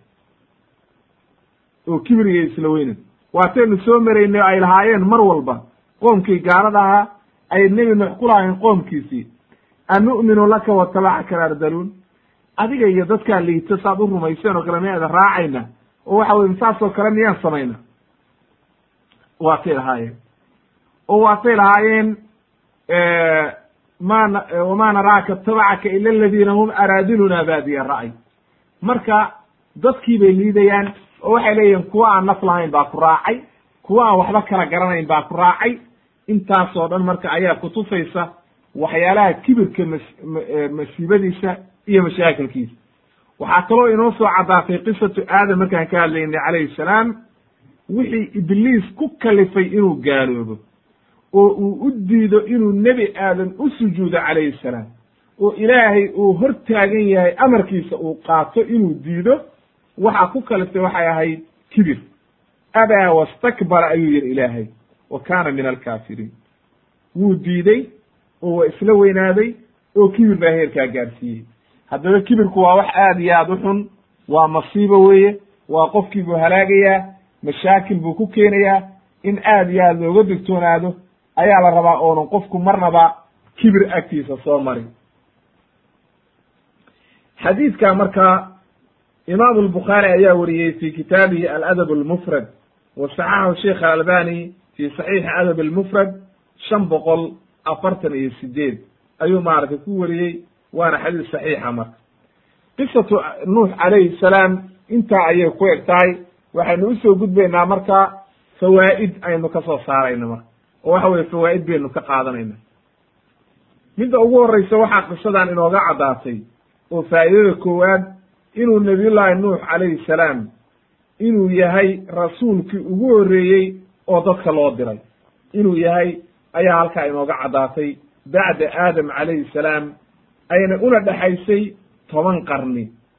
Toban qarni inay udhexaysay nebiyullaahi aadam iyo nebiyullaahi nuux ayaa inoo caddaatay waana rasuulkii ugu horreeyey oo ilaahay binu-aadmiga u diray oo waxa weeye dacwada dadka ugu yeerayey leanna waxaynu niri markaynu soo sharaxaynay markii hore oo waxa weeye nebiyullaahi aadam iyo nebiyullaahi nuux tobankii qarni oo udhexaysay dadku waxay ahaayeen calal islaam oo diintii islaamka ay ku taagnaayeen say u dhammaayeen wax gaala ma jirin oo dadku gaalo ma ahayn dad muslimiina oo diintii ilaahay ku taagan ayay ahaayeen oo diintii nebi aadam calayhi salaam haddana markaa waxa weeye shiis calayhi salaam ilaahay uu maarata u waxyooday haddana markaa nabiyullahi idriis calayhi salaam ayaa markaa intaasoo dhan diintaasi haysteen oo waxa weeye dadku caqiide saxiixa iyo tawxiid saxiixa lagu socday shirkina lama aqoon. Laakiin shirkigu wuxuu bilaabmay waktigii nebi nuux calayhi salaam. Waataynu soo marnay aayadihii qur'aanka ah oo odhanayey wa qaaluu laa tadarunna aalihatakum walaa tadarunna waddan walaa suwaacan walaa yaquuta wa yacuuqa wa nasra nimankaas saalixiinta aynu soo sheegnay ayay maaragtay shirkigii ku bilaabmay ayaynu niri wey faa'idada labaad aynu ka qaadanayno waxa weeye ana nuux calayhi salaam inama bacatahu allahu tacaala lama cubidat alasnaam walطawaaqiit wa sharaca annaasu fi aldalaalati waalkufri markii dadkii ilaahay waxau u diray nebiyullaahi nuux dadka markay dadkii gaalnimo bilaabeen. Markii hore looma baanayn rasuul. Leanna waxa weye dadku islaam bay wada ahaayeen. Diin baa lagu taagnaa marka mar alla markii gaalnimo timid shirki yimid ayaa markaa dadkii loo baaday in rasuul loo diro ballantaana horay baa ilaahay u qaaday oo waatuu nabiyullaahi aadam calayhi salaam markii jannada laga soo dejiyey oo laga soo saaray. Ilaahay waatuu yidhi faman fa ima yaatiyanakum minii huda faman itabaca hudaaya falaa yadilu walaa yashqa ama aayad kale falaa khawfun calayhim walaa hum yaxzanuun marka halkaas ayuu ilaahay ku ballan qaaday inuu hanuun iyo rusul soo diri doono oo waxa weeye ay u imaan doonaan ummaddan ummadaha marka halkaa markay bilaabeen marka dadkii inay gaalnimo markay bilaabeen shirki bilaabeen ayaa nebi nuux loo soo diray oo waxaa la yidhi u dig oo waxa weeye qoomkan gaalnimada uga dig shirkiga ay samaynayaan uga dig dacwada iyo xaqa ugu yeer ayaa halkaa marka bilaabatay marka. Nabiyullaahi nuux waa ugu yeeray dacwadii iyo xaqii oo waa uga digey sababta loogu soo dirayna waxay ahayd oo ilaahay u soo dirayey raxmatan lilcibaad addoommadiisa ayaa ilaahay u naxayey oo shaydaanku si una u duufsan ayaa ilaahay ugu soo dirayey cadaab adagna ilaahay waa ka digayey oo waxa weeye cadaabtaas si ayna hadhow u oran cadaabtaa ilaahayow annagu maanu ogeyn waxaan oo loo cududaaran ayaa loo soo diray wey. Laakiin intoodii badnayd gaalnimadii bay doorteen oo waa diideen inay nebigii rumeeyaan xaqiina inay qaataan dariiqii xaqa ahaa maraan waa diideen oo waxa weeye gaalnimo ayay ka jeclaysteen wey. Waxay inooga caddaatay qisadan nabiyullaahi nuux calayhi salaam inuu tawxiidkii ugu yeeray ahmiyadda marka tawxiidku uu leeyahay baa halkaa ka garanaysaa nebi walba wuxuu ka bilaabayaa qoonkiisii yaa qowmi icbudullah maa lakum min ilaahin gayru haddaba ahmiyadda iyo waxa weeye mas'uuliyadda qof walba saaran inay tahay weeye in cibaadada laga bilaabo tawxiidka dacwada in tawxiidka laga bilaabo caqiidada la barto oo waxa weye qofku caqiidada iyo tawxiidka iska sugo leanna waa asalkii asalkii wey waxa weeye ilaahay wuxuu ku magacaabay kelimatu maaragtay shajaratun tayiba oo waxa weeye geedkii asalka ahaa asluhaa haabitun wa farcuhaa fi samaa ay kelimatu laa ilaaha ila allah. Haddii uu qofku laa ilaaha ila allah muxamedan rasuulullah uu sugo oo caqiide saxiixa la yimaado camalkiisii waa wanaagsanaanayaa oo waxa weeye hanuun buu helayaa oo ilaahay baa hanuuninaya laakiin haddii caqiidadiisu ay xun tahay oo shirki ku dhex jiro halaag iyo khatar ayuu ku sugan yahay. Wuxuu ugu yeeray inay sanamyada ka tagaan oo ay isaga tagaan waxa ay caabudayaan ilaahay keliyana ay caabudaan oo keliga caabudaan. Markaas waxaa loo baahanyaa marka wahaakada yenbagii cala addaaciya an yabda'a bitawxiidi qabla kuli shay. Wax walba in laga bilaabo oo qofka daacigaa khaasatan waa inuu ka bilaabaa tawxiidka oo wax walba inuu tawxiidka ka hormariyo ayaa loo baahan yahay waxaa inooga caddaatay oo waxa weeye kaloo inoo caddeeyey oo waxa weeye faa'idada afraad nabiyullaahi nuux calayhi salaam qisadiisii inuu dacwadii habkii uu ugu yeerayey biduruqi dacwa. Wuxuu isticmaalay dariiqooyin aad iyo aad u kala duwan. Mar wuxuu yidhi tartiib baan ugu yeeray mar kor baan ugu yeeray habeenkii baan ugu yeeray maalin baan u yeeray tartiib baan ku siraystay. Hadba midba gaar baan ugu tagaa. Tartiib baan wax ugu sheegaa haddaba noocaa mar wuxuu isticmaalaa bitargiibi taaratan. Mar wuxuu jeclaysiiyaa jannada wanaagga ilaahay agtiisa yaalla naxariista ilaahay agtiisa taalla dembi dhaaf. Markuu intaa u sheego ayuu haddana mar kale wuxuu xusuusiyaa cadaabta iyo ciqaabta iyo waxa weeye mashaakilka yaalla aakhiro iyo sida loo halaagsamayo ayuu maaragtay haddii ay waxaan ku sii socdaan oo waxa weye istimraar sii sameeyaan gaalnimadan ciqaabta ay la kulmayaan ayuu haddana u sheegaa oo waxa weeye uu marna isticmaalaya saasaa marka waxaa loo baahan yahay inuu qofku duruqu dacwa isticmaalo oo qofka goormaad u yeeraysa goormaad xaqa ugu yeerin goormaad ka aamusin goormaad waaninin goormaad canaananin. intaba waxaa loo baahan yahay inuu qofku aad iyo aad uu u fahmo ayaa muhiim jiddana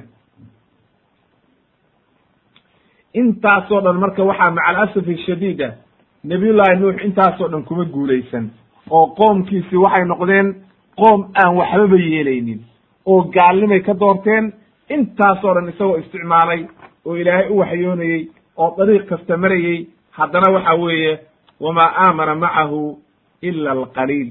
Dad yar ayaa rumeeyey oo waxa weeye aad iyo aad u yar ayaa rumeeyey.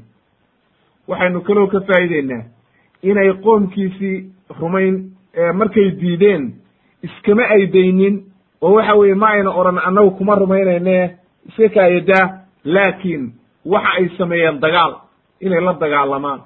Cadaawad bay sameeyeen dariiq kastay u mareen dhib kastay ku sameeyeen ilaa ay yidhaahdeen waa ku rajminaynaa.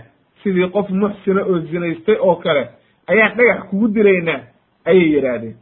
Marna waxay yidhahdeen waa kaa saaraynaa magaalada waa ku masaafurinaynaa maantana meel walba waa taagan tahay oo waxa weeye mar walba dadka dhuqaada oo waxa weeye dembiyada badan waxa ay jecel yihiin qofkii wanaagga fara.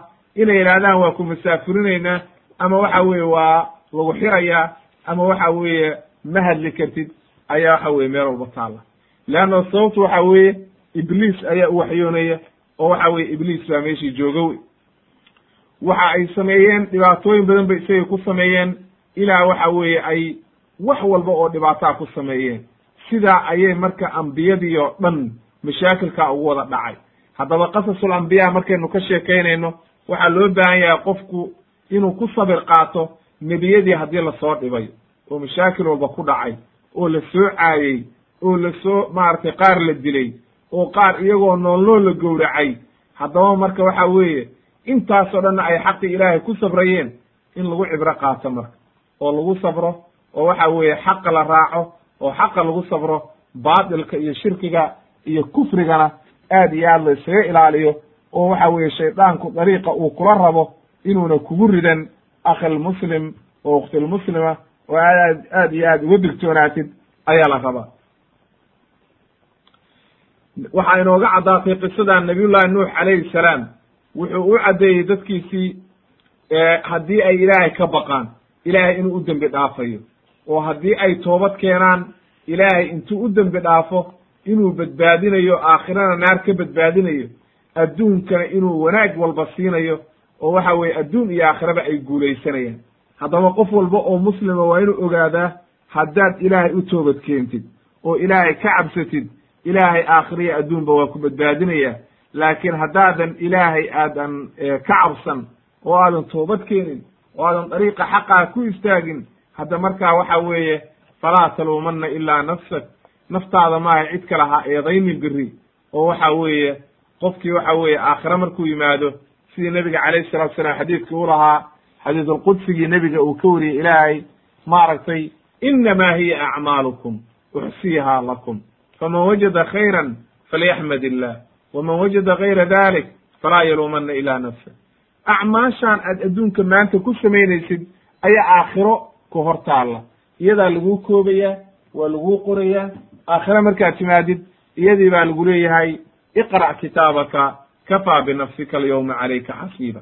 Marka ilaahay waxa uu yidhi xadiidkaa qofkii wanaag helana ilaahay ha ku mahadiyo.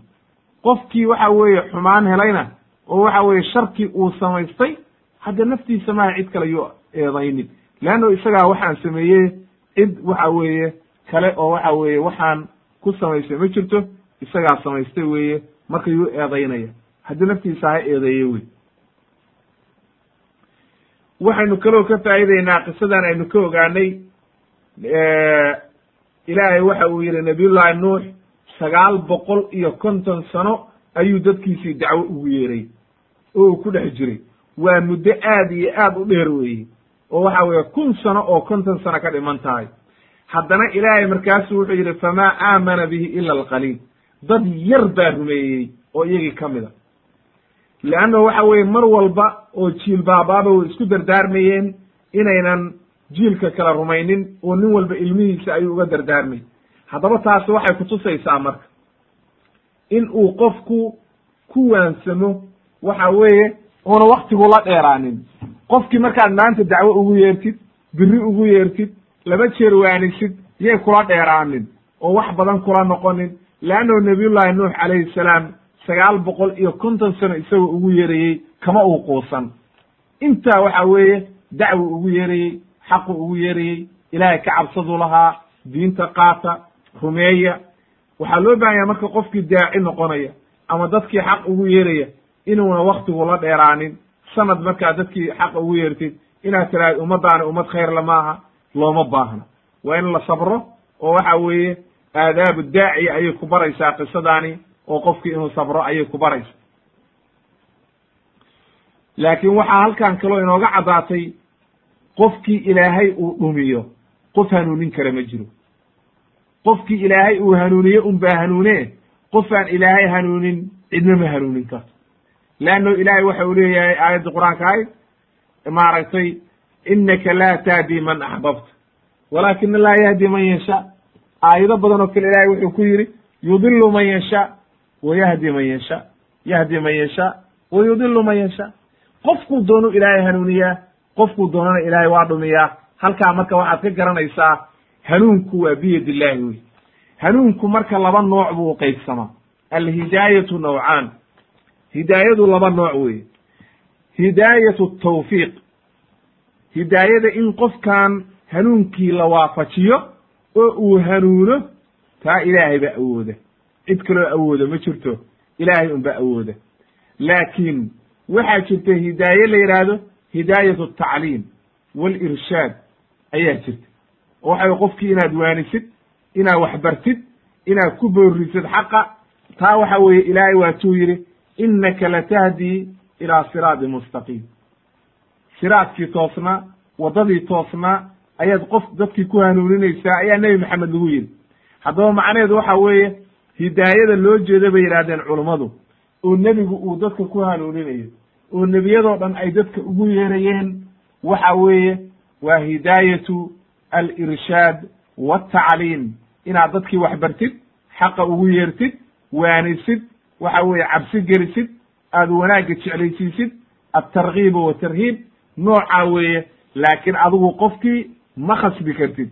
Ilaahay baa qalbiga belo-aadmiga meeshuu doono u jeediya nebi maxamedna waa isagii lahaa xadiidka saxiixa ka sugnaaday waatuu ingu waatuu yidhi maaragtay calayhi salaatu wasalaam ina alquluuba qalbiyada qofka belo-aadmiga qalbigiisu bayna isbicayni min asaabici araxmaan yuqalibuhaa kayfa yashaa. Qofka qalbigiisa ilaahay baa gacanta ku haya. Suu doonaba u gedgedeeyaa hadduu doono in shaaa aqaama wa in shaaa haddii ilaahay uu doonana waa toosinayaa haddii u ilaahay doonana waa dhuminaya waa baadiyenaya haddaba marka waxa weeye hanuunka ilaahay baa laga baryaa ee ilaahay hanuun ka bari qof walbo muslimow ilaahay inuu ka hanuuniyo ilaahay ka bari. Suu nebigu u jiray allahuma ya muqalib alquluub habit qalbii calaa diini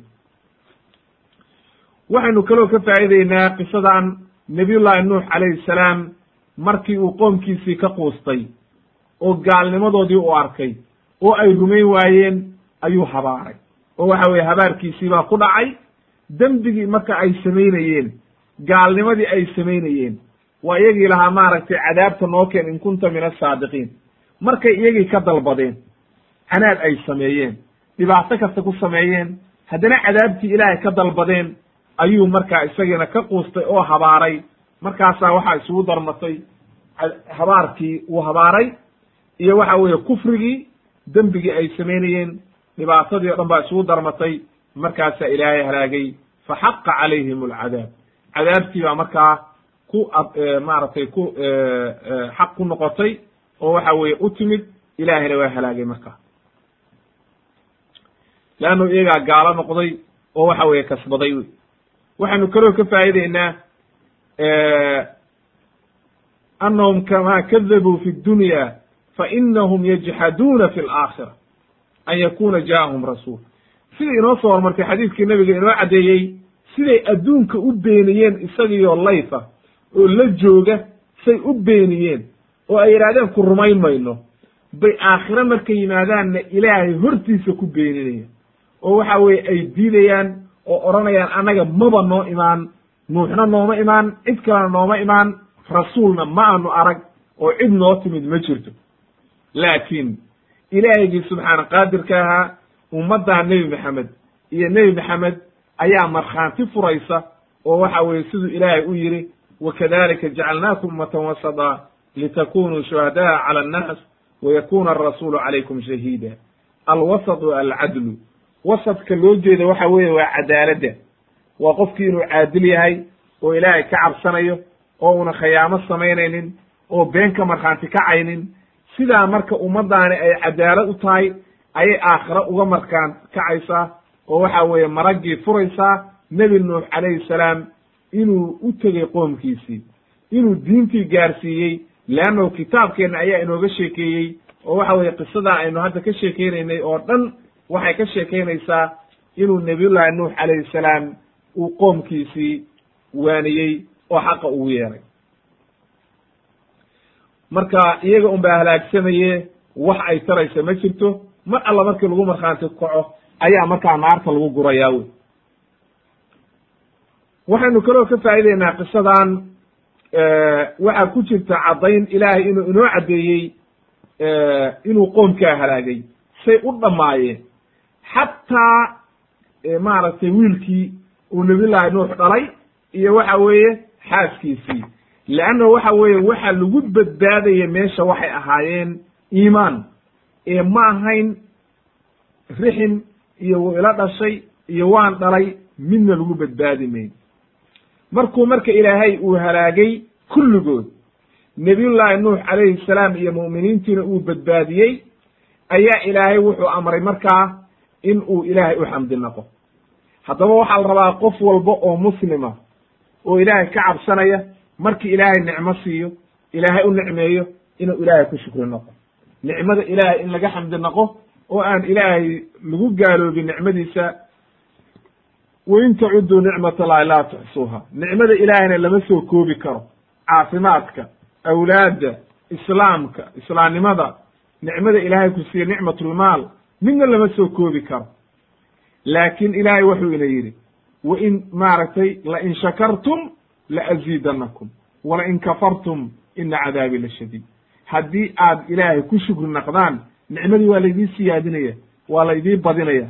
Haddii laakiin aad ilaahay ku kufridaan nicmadii waa waxa weeye cadaabta ilaahay waa adag tahay nicmadiina ilaahay wuu kaa qaadaya waana ku cadaabaya marka khatar wey nabiyullahi nuux marka ilaahay sidaas u badbaadiyey isaga oo weliba ku raaxaysto ilaahay uu tusay sidii qoomkii shala ku dheeldheelayey loo tusay oo hortiisa lagu halaagay. Leanna way markii aad qofka cadowgaaga la halaago oo waxa weeye gaal uu yahay oo waxa weeye dhibaato kuu geyso la halaago waad ku farxaysaa. Leanna waxa weye khaasatan waxaa ka sii fiican markii aad u jeedid.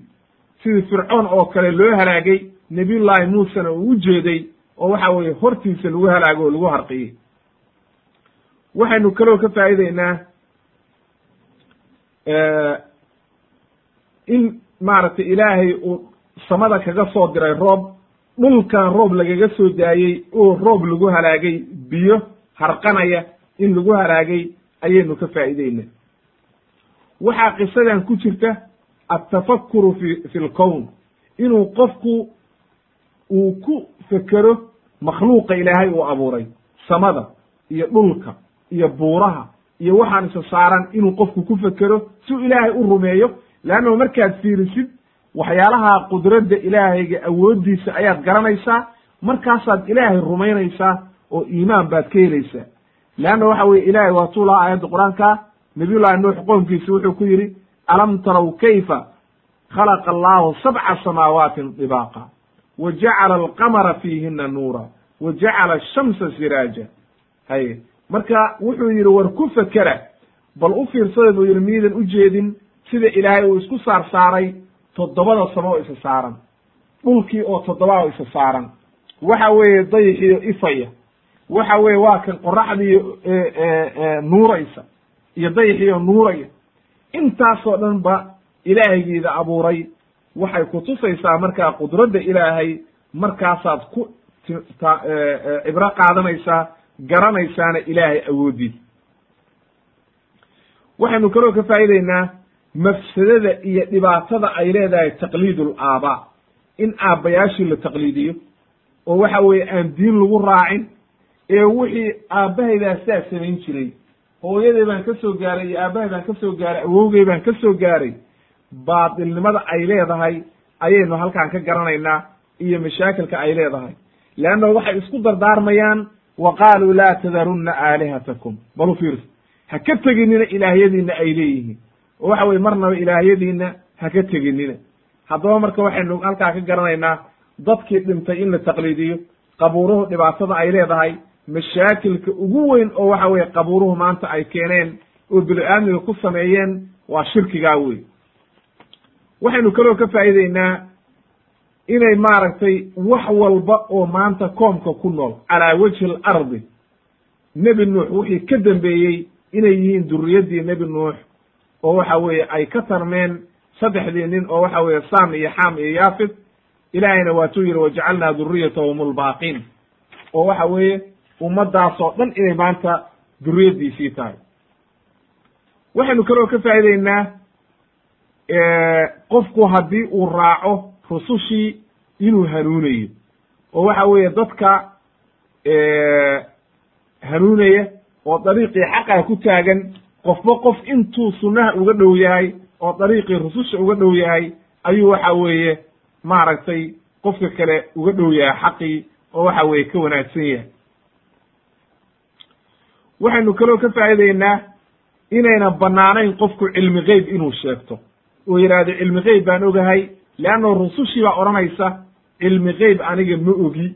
Oo waxa weeye walaa aclamu algeyb ayuu leeyahy waxaynu kaloo ka faa'ideynaa inayna bannaanayn in dadka gaaladaa ilaahay ku gaaloobay haddii ay halaagsamaan inaad ka naxdid ama waxa weeye maaragtay ka xumaatid ama waxa weeye qalbigaaga aad gelisid looma baahna.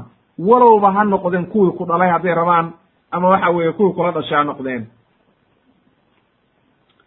Waxaynu kaloo ka faa'ideynaa labada qof waxa isku xira fi dunya waalaakhira inuu yahay iimaanka iyo camalka saalixa laakiin nasabku uu iska baaba'ayo ayaynu ka garanaynaa sidaynu in badan soo sheegnay leanno nabiyullahi nuux calayhi salaam wiilkiisii iyo xaaskiisiiba waa la halaagay wey waxaynu kaloo ka faa'ideynaa fadlu sabri sabarka in la sabro wanaagga ay leedahay. Leanna alcaaqibata lilmuttaqiin. Wanaagga oo dhan cirib dambeedka dadka ilaahay ka baqay ayaa leh. Marka sabirku wanaagga uu leeyahay ayaynu ka faa'ideynaa in la sabro oo waxa weeye dhibaatada iyo mashaakilka loo sabro oo waxa weeye markaas ilaahay la tala saarsado. Waxaynu kaloo ka faa'ideynaa isticmaalu alxikmati fi lidacwa dacwo markuu qofku dadka ugu yeerayo inuu xikmad isticmaalo oo aad iyo aad isugu dayo inuu maaragtay dadka xikmad ku soo jiito oo wanaag uu sameeyo oo waxa weeye una dadkii mashaakil ku samaynin iyo erey xun. Xikmadduna macnaheedu waxa weeye inaad qofka kala gelatid goormaad qofkaan u yeerin goormaad waaninin goormaad iska daynin goormaad maaragtay ereygaa kula hadlaysid erebe erey ereygu ka wanaagsan yahay inaad kula hadashid weeye xikmaddu ee ma aha qofka xumaantiisii inaad raalli ka noqotid oo waxa weye aad iska ag fadhidid isagoo xumaan samaynaya ma aha xikmaddu waxaynu kaloo ka faa'ideynaa mashruuciyat adducaa cala adalama. Qofka daalimka noqday oo dadka dulmiya in la habaara inay bannaan tahay ayaynu ka faa'ideynaa leanno nabiyullaahi nuux wuxuu leeyahay waxba dhulkaa uga tegin.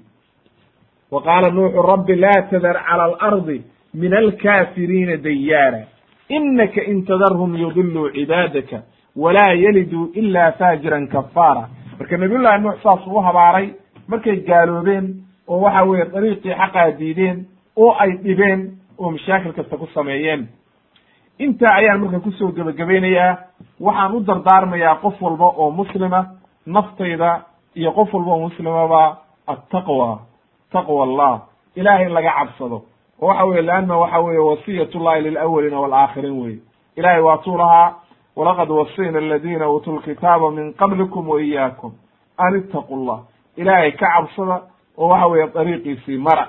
Taqwaduna waxa weeye sida culammadu ku caddeeyeen itibaacu lkitaabi wasunna iyo waxa weeye wa tarku lmacaasi inaad la timaadid wax walba oo ilaahay ku amray wax walba oo ilaahay kaa nahiyena inaad banaanka ka martid intaa marka ayaan ku soo gebagabaynayaa wax alla wixii khalada oo aan ku sheegay qisadaa ilaahay baan uga toobad keenaya. Oo waxa weye ilaahay baan dembi dhaaf ka weydiisanayaa wax alla wixii khalada ilaahay baan uga soo noqonaya. Qof alla qofkii wax khalada ku arkana waxa u banaan in uu iisoo sheego oo aan ka rajaynayaa inuu waxa weeye igu tambiihiyo si aan qaladkaas uga noqdo. Oo waxa weye leanna bashar baan ahay. Kullu ibni aadam khadaa wa khayru lkhadaa'ina tawaabuhum waatuu nabigu yihi calayhi salaatu wassalaam qof aan khaldamaynin ma jiro qof walba oo waxa weeye ka faa'idaysta ama dhegeystana waxaa leeyahay ilaahayda ka mid dhigo aladiina yastamicuuna alqawla fayattabicuuna axsanah wa subxaanaka allahuma wabixamdika ashhadu an laa ilaha illa anta astaqfiruka wa ilayk walxamdu lilahi rabbi alcaalamiin